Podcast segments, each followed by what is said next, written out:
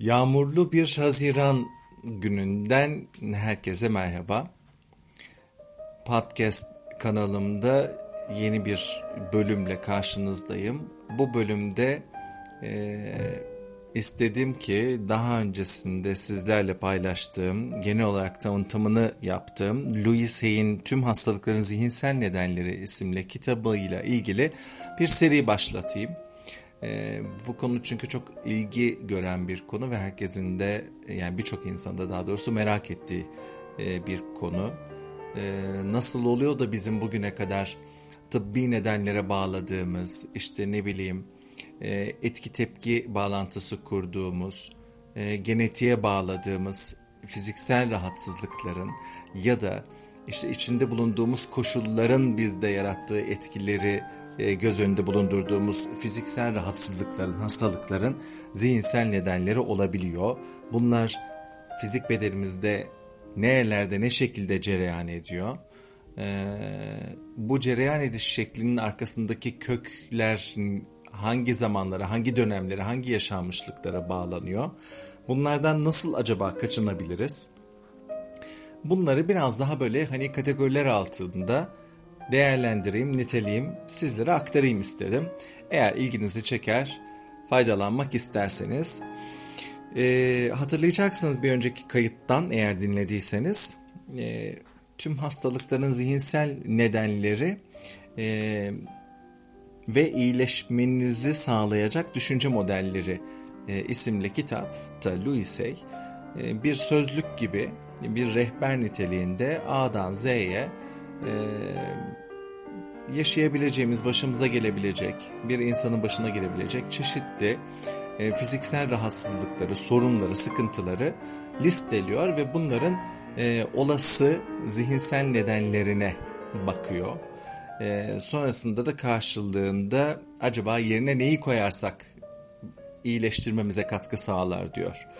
Hani o asla o kadar kolay değil tabii yani hani e, yeni düşünce modelini söyledim, olumlamamı yaptım. Hastalığım neden iyileşmiyor? Bu olumlamayı yaparken e, olumlamayı yapmamıza sebep olan olası nedeni iyi belki anlamak ve kabul etmek çok önemli. Kabul etmediğimiz hiçbir şeyi değiştirebilmemiz, e, onun üzerine çalışabilmemiz mümkün değil. Yoksa e, çok ezber olarak kalıyor. E, çok böyle hani lafta kalıyor. Bu yüzden de hayata geçmiyor bir türlü. Yoksa e, bir işe yaramadığından değil ya da yanlış olduğundan değil. Daha önce aslında nasıl oluyor da hani bugüne kadar genetiğe bağladığımız e, ya da işte e, fiziksel bir takım koşullara ve eylemlere bağladığımız sıkıntılar zihinsel nedenlerle gerçekleşiyor ya da örtüşebiliyor. Bundan biraz bahsetmiştim. E, bugün biraz daha şöyle bir üstünden geçmek istiyorum. Ve sonrasında da e, hangi e, kategoriye, hangi kategori altında bu bölümü e, bir araya getirdiğimi, oluşturduğumu sizlere aktaracağım. E, yaşadığımız her sarsıcı olayın bizde başlattığı farkında olduğumuz veya çoğunlukla aslında farkına bile varmadığımız bir reaksiyon zinciri var. Önce düşüncelerimiz e, çalışmaya başlıyor. Hani görerek, duyarak, hissederek e, karşılaştığımız bir durum karşısında önce düşüncelerimiz devreye giriyor. İşte beynimiz çalışıyor. Bilinç, bilinçaltı e, aralarında bir iletişim kuruyorlar. Bu gördüğümüz, tanık olduğumuz e, şeyi karşısında, olay ya da durum karşısında eski kayıtlara bakıyor. Bu kayıtlarda onu hatırlatacak bir yaşanmışlık varsa o yaşanmışlıkta neler yaşadığını e, inceliyor, irdeliyor. Bunlar sadece e, an içerisinde olan şeyler böyle anlatıldığı kadar uzun değil. Çok kısa sürelerde gerçekleşen bir zincir reaksiyon bu. E, ve orada eğer olumsuz bir yaşanmışlık varsa, olumsuz bir e, kodlama söz konusuysa yani bu durumun işte kötü bir şey olduğu, bize zarar vereceği, işte tedirginlik yaratacağı, e, yaratmasın gerektiğini, kendimizi savunmamız gerektiğini ya da mücadele etmemiz gerektiğini söyleyen bir kayıt varsa o zaman duygular da buna göre şekilleniyor. İşte korku oluşabiliyor, ne bileyim endişe oluşabiliyor, öfke oluşabiliyor, e, kırgınlık oluşabiliyor. Çeşitli olumsuz duygular yaşanmaya başlıyor ve bu olumsuz duygular e, kökündeki e, kayıtlarda yer alan kodlar ve inanç kalıpları doğrultusunda oluşan duygular nihayetinde de fizik bedene sirayet ediyor. Şimdi bu süreci size bir örneklemeyle anlatmak istiyorum. Diyelim ki işinizle ilgili önemli bir sunum yapmanız istendi sizden. Daha önce hiç yapmadığınız tarzda, hakim olmadığınız bir konuda ve üst düzey yöneticilere yönelik bir sunum olsun bu. Eğer bu durum sizde aşırı bir stres ve panik yaratıyorsa bilin ki arka planda kayıtlarınızda yer alan bazı bilgiler ve duyguları harekete geçirmiştir. Ya iş hayatının zorlukları, ya bir otorite tarafından onaylanmamak, ya hata yapmanın kişiyi eksik, yetersiz hissettirmesi ya da yeni olana karşı bir tedirginlik veya bunların hepsiyle ilgili yaşanmışlıkların ve bunlarla oluşmuş olan yaraların, olumsuz inançların olduğunu gösterir. Oradaki varlığını bize gösterir. Mesela evde sürekli eleştiren bir yetişkin tarafından yetiştirilmiş, kendini sürekli eksik ve yetersiz hissetmiş, hep başkalarının başarılarıyla kıyaslanmış, yaptığınız ya da yapmadığınız bir şey karşısında sizde korku, hayal kırıklığı, tepki yaratacak bir reaksiyon almış olabilirsiniz. Bu durumda yaşamınız boyunca bu olumsuzluğun düzeltilmesi arayışı içinde olursunuz. Bilerek veya bilmeyerek.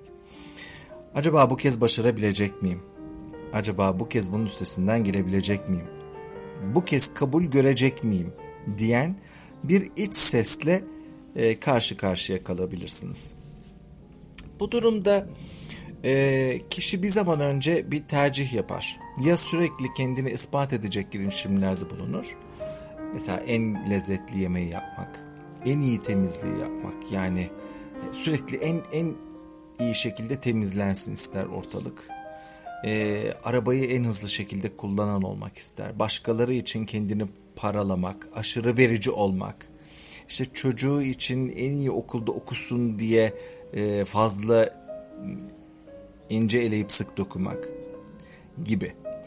Ve çoğunlukla yaptığından da kolay kolay tatmin olmaz. Hem kendine hem de başkalarına sürekli baskı ve tedirginlik yaratıyor olabilir. Veya kabullenime gider. Hani diğer bir yol e, izleyecek olursa, başka bir yol izleyecek olursa da kabullenime gider. Kabuğuna çekilir. E, içine kapanabilir etliye sütlüye karışmaz. Kendine bir konfor alanı yaratır. Stabil ve sıradan yaşamayı seçer. Geri planda kalmayı hep tercih eder. İronik bir şekilde de bu yaptığı tercihlerden de aslında çok memnun olmaz. Hani zannetmeyin ki bu e, her iki yola giden insan için de böyle çok rahat ettirici, güvenli e, bir yaşam tarzıdır ya da kolay bir yaşam tarzıdır. Bu tercih bir hayatta kalma e, çabası içerisinde verilmiş olan bir tercihtir aslında. Dolayısıyla doğruluğu, yanlışlığı ya da zorluğu, kolaylığı tartışılır. Her iki durumda da kişinin e, tepkiselliği, mesela hırslı, dominant, otoriter kişilere, alanında başarılı ve ayrıcalıklı veya her şeyi abartarak e, yapan, yaşayan veya tam tersi çok pasif, sorumluluktan kaçan insanlara yönelik gelişmiş olabilir. Neticede ortada yoğun olarak suçlama, suçluluk hissetme, yargılama, şikayet etme, hiçbir şeyden mutlu olmama, anlaşılamama gibi duyguların hakim olduğu bir yaşam çıkabilir. Tüm bunların yani düşünce kodlarının, inanışların duygusal yaraların etkilediği bir de fiziksel bir boyut vardır. Ee, biraz önce verdiğim o spesifik örnekte olduğu gibi işte bir sunum yapmak yapmanız istendiğinde karnınıza giren kramplar, gece uyku uyuyamamalar, belki baş ağrısı e, ya da ne bileyim e, kramplar, kasılmalar e, boyun tutulması, e, yumrukların sıkılması, kaslarda aşırı gerginlik, e, midede yanma belki, ekşime, boğaz kuruluğu. Bunlar hep yaşamımızda karşılaşabildiğimiz şeyler aslında. Fizik bedenimizde bu reaksiyonların oluşması boş yere oluşmuyor. Yani durduk yere oluşmuyor ve üstelik de her aynı örnekte e, farklı kişilerin tepkileri aynı olmuyor ya da bunun yaşayış şekli aynı olmuyor.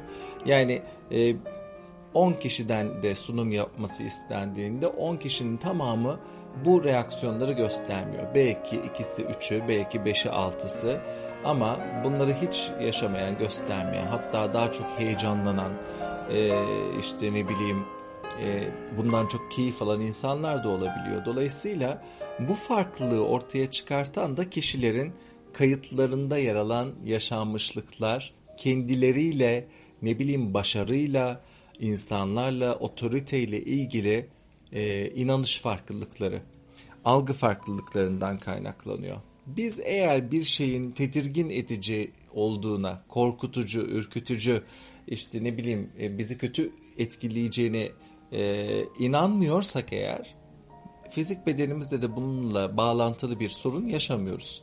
Ama eğer böyle olacağına inanıyorsak o zaman fizik bedenimizde de direkt olarak sirayet ediyor. Bunu sanki böyle hani e, iç içe geçmiş odalar gibi düşünün. En iç odada fizik bedeni var. İşte bir dışında duygularımızın e, temsil eden bir oda. Onun dışında düşüncelerimizi temsil eden bir oda var.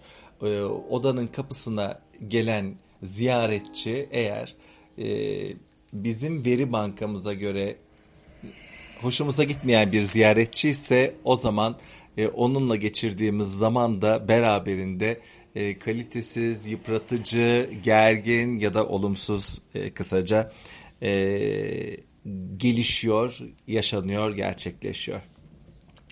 E, dolayısıyla bu kitabı kullanırken e, bir fiziksel rahatsızlığınız olduğunda o rahatsızlığın olası nedenine baktığınızda e, bu nedenin direkt farkında olduğunuz bir neden olduğunu beklemeyin. Yani çok daha bilinç altında var olan bir kodlamanın ürünü de olabilir. Ee, kabul etmek istemediğiniz, yüzleşmek istemediğiniz bir inanışınızın ürünü olabilir. Ee, o yüzden varmışçasına çalışmak her zaman e, size fayda sağlayacaktır. Kaldı ki Louise de kitabında der ki hani yüzde yüz diyemem ama yüzde doksanın üzerinde e, gerçekleşen bir olasılıktır. Yaşanan fiziksel rahatsızlığın e, zihinsel boyutu. Zihinsel boyutunda olup biten diyelim daha doğrusu. Şimdi bütün bu örneklerden yola çıktığımızda e, ilk bölümü e, bu kitabı daha detaylı olarak inceleyeceğimiz, yorumlayacağımız ilk bölümünü fiziksel ağrılar, acılar, kas ve eklem sorunları başlığı altında e, gerçekleştirmek, toplamak istedim. Bu bölümde birazcık e, bununla ilintili olan e, kısımlarına bakacağız. Kitabın biraz daha böyle bir mercek tutacağız oraya. E, oraları biraz daha bir detaylandırmaya çalışacağız elimizden gel yani elimden geldiğince bunu yapmaya çalışacağım. Umarım siz de ortak olur, katılırsınız ve umarım da size bir katkı sağlar, bir farkındalık yaratır. Şimdi bu kategoride, bu başlık altında kitapta ilk e, bahsedeceğim fiziksel rahatsızlık acı.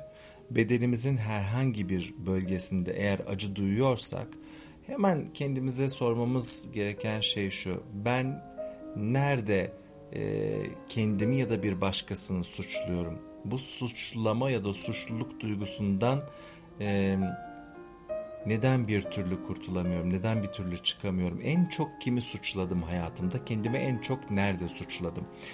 Bunun karşılığında kitapta olası neden de çünkü şu söylenir. Suçluluk duygusu, suçluluk duygusu daima ceza peşinde koşar. Maalesef ki öyle. Yani birisini eğer suçluyorsak belli ki bir beklentiyi karşılamadığı içindir ya da bize göre doğru olan bir şeyi farklı yaptığı, yanlış yaptığı içindir. Halbuki herkesin doğrusu kendinedir ve herkes ancak bildiği kadarını hayata geçirebilir. Ee, kendimize yönelttiğimiz suçlulukta da ya da suçlamada da şöyle bir aslında gereksizlik vardır. Her ne konuda suçluyorsak bil, bilmeliyiz ki o suçladığımız konuda eksik ya da yanlış yaptığımız şey e, o anki kapasitemizin el verdiği e, bir sonuçtur. Ya da el verdiği doğrultuda e, yaptığımız bir şeydir. Yani ortaya çıkan bir üründür. O zamanki bilincimiz, o anki bilincimiz, o anki duygusal zayıflığımız ve geride kalmıştır artık. Bugünle alakalı bakarsak eğer olası nedenin e, işte uzantısını bulmaya, e, bulmak e, e, adına bizi yanıltabilir. Genelde bir birikim vardır içeride. İçerideki bir yaşanmışlığı bir yarayı dürtüyordur bugün olan olay. O yüzden bugünle sınırlı tutmak yerine içime şunu sormaya ihtiyacım var benim. Gerçekten geçmişten en çok kimi suçladım, kendimi hangi konuda suçlu hissediyorum? Bunu bırakmaya ihtiyacım var. E, bu suçlama ister ki e, karşılığında bir ceza alsın.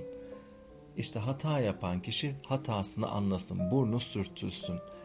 Emin olun bu bizi aslında çok da mutlu etmez, hayatımıza da bir şey katmaz. Sadece o an bir belki tatmin yaratır. Oh çok şükür. Ama o kişi bildiği şekilde var olmaya emin olun devam eder. Çoğunlukla öyle olur. Kaldı ki bir başkasının yolunun açıklığı, kapalılığı bizi çok da enterese etmesi gerekmeyen bir konudur. Biz kendi yolumuzdan sorumluyuz. Kendi hayatımıza ne katıyoruz? Kendi hayatımızda önümüze ne engel koyuyoruz? Nerede zorluk yaşatıyoruz? Çünkü sonuçlarına katlanan biziz yine. Ee, sonuçlar bizle ilgili olduğu zaman e, bizi ilgilendirir. Bu, bu bakış açısına sahip olduğumuz zaman konuları çözümlemek, bırakabilmek çok daha mümkündür. Ee, ben hiç görmedim, tanık olmadım ki bugüne kadar bir çocuk sürekli olarak yaptığı bir yanlıştan dolayı suçlansın, suçlansın, suçlansın ve o çocuk o konuda artık hiç hata yapmasın. Çocukta yarattığı tepkilerden, onda oluşan yaralardan dolayı çocuk ne yazık ki bu konuda e, hiçbir zaman sağlıklı karar alamaz. Hiçbir zaman demeyeyim çoğunlukla sağlıklı bir karar alamaz. Ortaya da sağlıklı bir şey çıkmaz. Orada mutlaka ya korku oluşur, ya tepki oluşur, ya öfke oluşur, ya endişe oluşur. Şöyle bakmak daha doğrudur. Acının karşısındaki yeni düşünce modeli der ki, geçmişi sevgiyle bırakıyorum. Onlar da ben de artık özgürüz. Huzur içindeyim. Şu andır beni ilgilendiren. Bundan 5 dakika önce olmuş olan bile 5 dakika önce de kaldı. Şu an artık onunla ilgili bir şey yapabilmem mümkün değil. Onu geriye alabilmem, onu değiştirebilmem mümkün değil. Oldu, yaşandı ve bitti. Beni şu an ilgilendiriyor. Ben şu an sağlıklı seçimler yapmak istiyorum. Şu an insanlarla ilişkimde olumlu adımlar atmak istiyorum. Şu an hayatıma olumlu katkı sağlayan kişiyi e, kapımdan içeriye almak istiyorum. Bana zarar veren insana hayır deme hakkına sahibim e, göz yummamayı seçebilirim ya da kendi yetersizliklerim, hatalarım, olumsuz seçimlerimle ilgili yeni bakış açıları ve yeni kararlar alabilirim ve bunları hayata geçirebilirim. O yüzden eğer ben vücudumdaki e, acıyan yeri iyileştirmek istiyorsam ya da daha fazla fiziksel acıya maruz kalmak istemiyorsam suçluluk duygusunu dönüştürmeye ihtiyacım var. Suçlamaktan, suçlayıcı konuşmaktan, kendimi sürekli yermekten, kendimi sürekli yetersiz bulmaktan, kendimi cezalandırmaktan ya da dışarıya tavırlarımda da bunları yapmaktan vazgeçmeye ihtiyacım var. Huzur benim en büyük ilacım. Sevgi ve destekleyici bakış açısı, e, anlayış benim en büyük ilacım. Devam edelim. Gelelim şimdi ikinci e, fiziksel rahatsızlığa bu kategori altında inceleyeceğimiz. Ağrılar. Ağrıların karşısında olası neden olarak şu cümle yazar Louise'in kitabında sevgi ve destek bulma özlemi. Sürekli eğer, eğer bedeninizin bir bölümünde ne bileyim bacaklarınızda, sırtınızda, boynunuzda ya da başınızda bir ağrı hissediyorsanız ağrılar sıklıkla kendini tekrar ediyorsa ya da bir dönem çok yoğunlaştıysa yine kendinize şunu soracağız. Ben kendimi çok mu sevgisiz hissediyorum bu dönemde?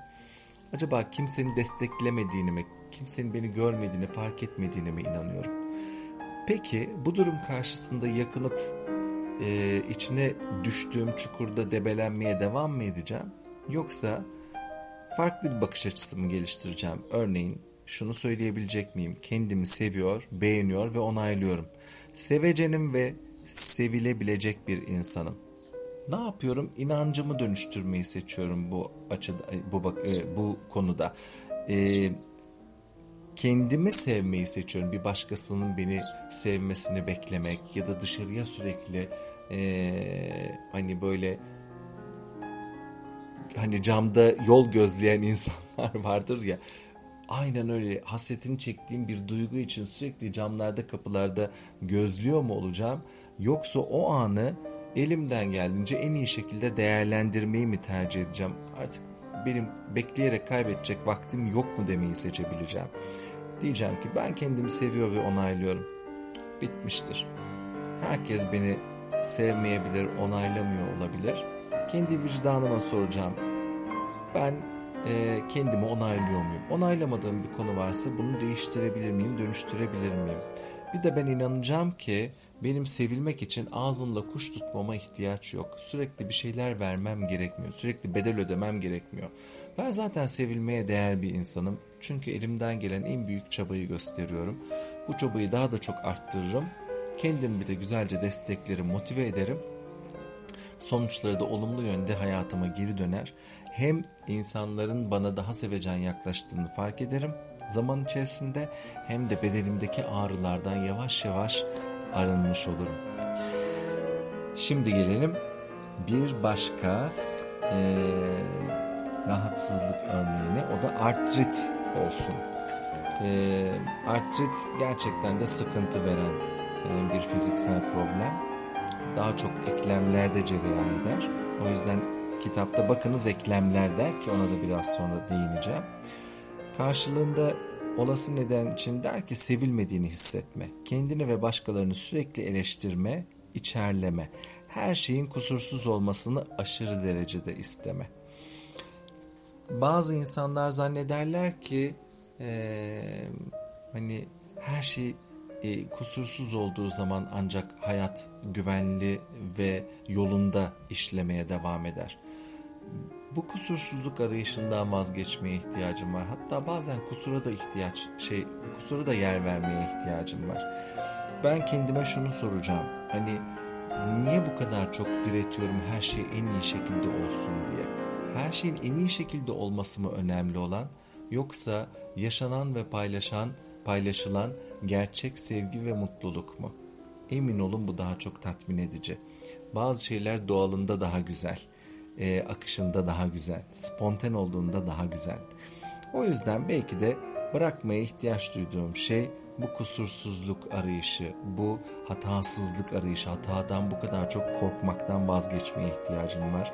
Eleştirmekten ve içerlemeden vazgeçmeye ihtiyacım var. Diyebilirim ki yerine ben sevgiyim, artık kendimi sevmeyi ve onaylamayı seçiyorum. Başkalarını da sevgiyle görüyorum. Bırakıyorum ya kendimle ve hayatla savaşmayı, didişmeyi, e, çekiştirmeyi. Ben daha ılımlı olmayı seçiyorum, daha yapıcı olmayı seçiyorum, daha rahat olmayı seçiyorum, daha sevgi tarafına odaklanmayı seçiyorum, daha mutlu olmayı seçiyorum. Evet bu çok önemli. Mutlu olmayı seçmek. Farkındaysanız e, fiziksel ağrılar, acılar, kas ve eklem sorunları dediğimiz zaman belli başlı birkaç tane konunun etrafında dönüp duruyoruz. Bedenimizin nereye nasıl tepki vereceği aslında çok net. Artritli parmaklardan bahsetmiş artrit konusunun hemen altında. Cezalandırma arzusu, suçlama. Gördüğünüz gibi sevginin olmadığı yerde eleştirme ve suçlama çok daha baskın gelmeye başlıyor. O da beraberinde cezayı getiriyor. Ya kendiniz ya birilerini cezalandırmaya çalışıyorsunuz. Bilerek ya da bilmeyerek sevgi ve anlayışla bunu çözmekten başka bir yolunuz olmadığını, hatta bu yolun aslında en kolay yol olduğunu gördüğünüzde hayatınızda dönüşmeye başlıyor. Baş ağrısının üzerinde birazcık durmak istiyorum. Baş ağrıları ee, karşılığında diyor ki olası neden için kendini muteber görmeme, kendini eleştirme, korku, ee, köşeye sıkışmak tabirini de açıklayıcı olması için buraya koymak istiyorum ben. Kişi kendini sürekli eleştiriyorsa, sürekli bir şeylerden korku duyuyorsa ve e, hep hayatın üzerine üzerine geldiğini düşünüyorsa ya da bir seçim yapmak üzerinde kendi içinde çok baskı hissediyor ve böyle köşeye sıkışmış ne yapacağını bilememez bir durum yaşıyorsa baş ağrısı kaçınılmaz şekilde kendini gösteriyor. Ee, burada kendinize şunu sorabilirsiniz. Benim gerçekten hiç mi seçme hakkım yok ya da seçeceğim her ne olursa olsun bu dünyanın sonu mu? Sonrasında değiştirme imkanım yok mu? Bugün bir şeyi seçerim, memnun kalmazsam ertesi gün başka bir şey seçerim. Hiçbir zaman dünyanın sonu demek değildir. Ee, ben her zaman seçim yapmakta özgürüm. Hayatta bakabileceğim sayısız farklı yön var. Bunu geliştirmeye ihtiyacım var. Nitekim yerine konacak yeni düşünce modeli der ki kendimi seviyor ve onaylıyorum. Bu zaten kaçınılmaz hemen her şeyde karşımıza çıkıyor. Kendim ve yaptıklarımı sevgi gözleriyle görüyorum. Emin ellerdeyim. Güvende olduğumu hissetmeye ihtiyacım var. Merak etme her şey yolunda. Elbet sağlıklı bir seçim yapabilirsin. Belki biraz zamana ihtiyacın var diyebilirim. Bunun arkasından hemen migren konusuna bakmak geliyor aklıma. Baş ağrısı deyince e, kişilerin yoğun olarak yaşadığı ve en ızdırap verici şeylerden bir tanesi de çünkü migren konusu. Şimdi M harfine hemen hızlı bir geçiş yapıyorum ve o da diyor ki kusursuz olma isteğiyle kendi üzerinde aşırı baskı yaratma. Kişi eğer ee, yapacağı seçimlerle ilgili aman en iyisini seçeyim, en doğrusu bu olsun ya da bu konuda en doğrusu nasıl olmalı diye çok fazla takılı kalıyor ve bunu içinde fazla sorguluyorsa eşittir migrenle baş başa kalmak durumunda kalıyor. Bir de bunun altında epey bastırılmış öfkeden bahsediyor Louis. Ee, öfke de çoğunlukla sizin o en doğru arayışlarınıza uymayan ya da sizi bu konuda zorlayan insanlara çıkıyor çoğunlukla. Ne yazık ki kendinize de pay bulabilirsiniz bu öfkede.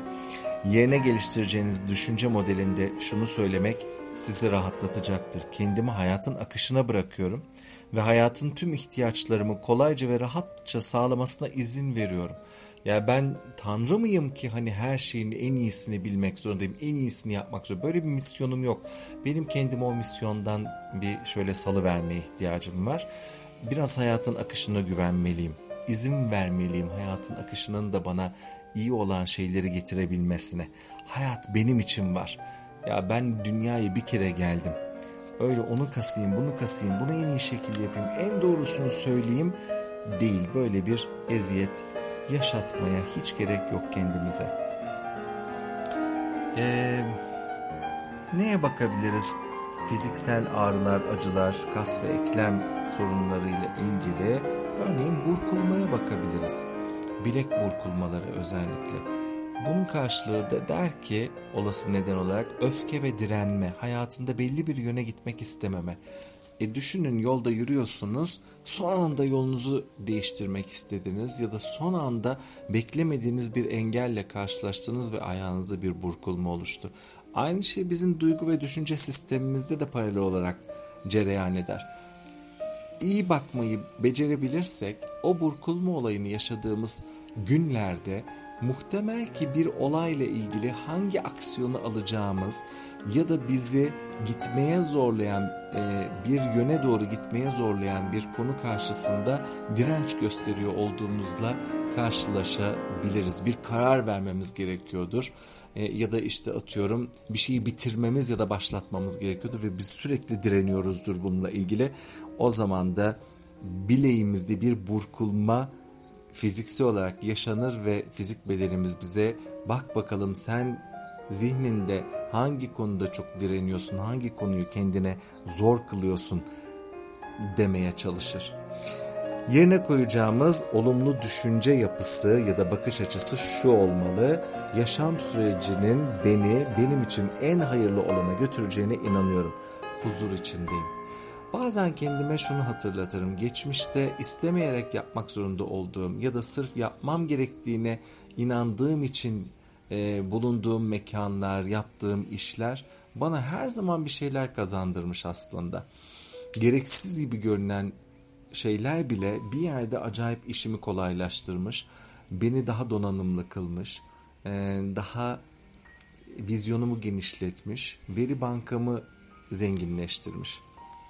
Yaşadığım hiçbir şey tesadüfi değil, e, her şey aslında benim gelişimim için gerekli birer yapı taşı niteliğinde. Bu bakış açısını geliştirebilirsem o zaman e, yönler, hedefler, hayatım beni iteklediği alanlar benim için o kadar da tehditkar ya da zorlayıcı olmayacaktır. Bir de şimdi e, eklemlere bakalım istiyorum. Neresidir eklemler? El bileği, işte dizlerimiz, dirseklerimiz, omuzlarımız değil mi? Eklem alanları, ayak bileklerimiz. Hayattaki yön değişikliklerini ve bu hareketlerin rahatlığını, kolaylığını temsil eder. Ee, hani at gözlüğüyle bakmak denen bir kavram vardır ya emin olun birçoğumuz bazı kemik konularda at gözlüğüyle bakıyor olabiliriz. Ee, o konuda diğer alanların bizim için bilinmez olduğunu, güvensiz olduğunu zannedip tek bir alanın tek bir çıkış noktası olduğunu e, kabul görmüşüzdür, kabul etmişizdir. Böyle bir inanç kalıbı geliştirmişizdir kafamızda. O yüzden de o konu karşımıza çıktığında bir türlü esnek olamayabiliriz. Halbuki farklı bir adım, farklı bir bakış, farklı bir söylem bize çok farklı yeni ve daha güzel kapılar açabilecekken biz ısrarla aynı kapıyı yumruklamaya devam ederiz ama artık o kapı e, bize çok da fayda sağlamaz. Yerine şu bakış açısını geliştirmeliyiz. Eklemlerimizle ilgili sorun yaşıyorsak eğer değişikliklerle birlikte kolayca akıyorum. Hayatım tanrısal bir rehberlikle yönlendiriliyor ve ben daima en iyi yönde ilerliyorum. Ben bir de şuna eklemek istiyorum. Ben esnek olmayı seçiyorum. Rahat olmayı seçiyorum. Farklı e, yönlerini de hayatın görmeyi seçiyorum. E, düşünce kalıplarımdan sıyrılmayı seçiyorum demek benim işimi kolaylaştırır. Aslında bu tür yeni bakış açıları sadece bir fiziksel sorun yaşadığımızda işimize yaramaz ki.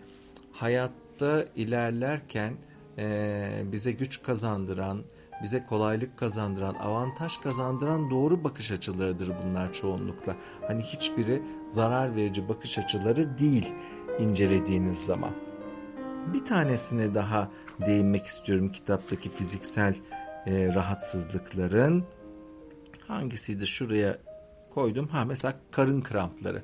Karnımızda sürekli kramp yaşıyorsak bakmamız gereken yer şurası. Acaba hangi konuda korkum var? Hangi konuyu gözümde büyütüyorum?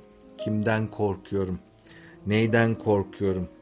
Ee, bir şeyden korktuğunuz zaman da zaman dursun istersiniz. Hani o korkuyla yüzleşmemek, karşılaşma, korktuğunuz şeyle e, karşı karşıya gelmemek için bir şeyleri durdurma ihtiyacı kasarsınız kendinize. Bu da en çok karnınızda kramp olarak kendini gösterir. Şunu söyleyebilirsek bizim işimize çok yarar. Yaşam sürecine güveniyorum. Ben emin ellerdeyim. Beni yaradan eminim benim için iyi şeyler planlamıştır diyebilirsiniz. Bu kendinizi kandırmak değildir. Bu yeni bir inanç kalıbı geliştirmektir. Çünkü neye inanıyorsak ama bunun içselleşmesi lazım. Bu yeni seçtiğimiz inanç kalıbının gerçekten bir inanç kalıbı haline dönüşmesi lazım ki e, yürekte inanalım ve bizim işimize yarasın. Kitapta benzer e, paralel e, tanımlamalar ya da daha doğrusu e, fiziksel rahatsızlıklara örnek olarak yine kaslar verilebilir. İşte yaşanan kramplar verilebilir. Ya hepsinin özünde toparladığınız zaman şöyle bir dışarıdan baktığınız, özetlediğinizde karşınıza çıkan aslında duygular e, benzer duygular. Suçluluk, suçlama, sevgisizlik, desteksizlik, eleştirme, eleştirilme, içerleme, e, hata yapma kaygısı, kontrol merakı, korku, öfke ve direnme var. E, biz eğer hayatımızda e, fiziksel olarak sağlıklı, kaliteli bir yaşam sürmek istiyorsak, olumsuz duygulardan ve düşüncelerden kaçınmaya ihtiyacımız var. Nasıl ki e, kirlendiği zaman elimiz yıkamayı, temizlemeyi tercih ediyoruz. Bir şey döküldüğü zaman silmeyi tercih ediyoruz. O zaman duygu ve düşünce dünyamızdan da e, işte zarar verici, faydalı olmayan, gereksiz olan ne varsa onları temizleyip dönüştürmeye ihtiyacımız var. Yapmak belki zor gelebilir ama e, bize kazandıracağı o nitelikli yaşama e, kavuşmak için değer diye düşünüyorum.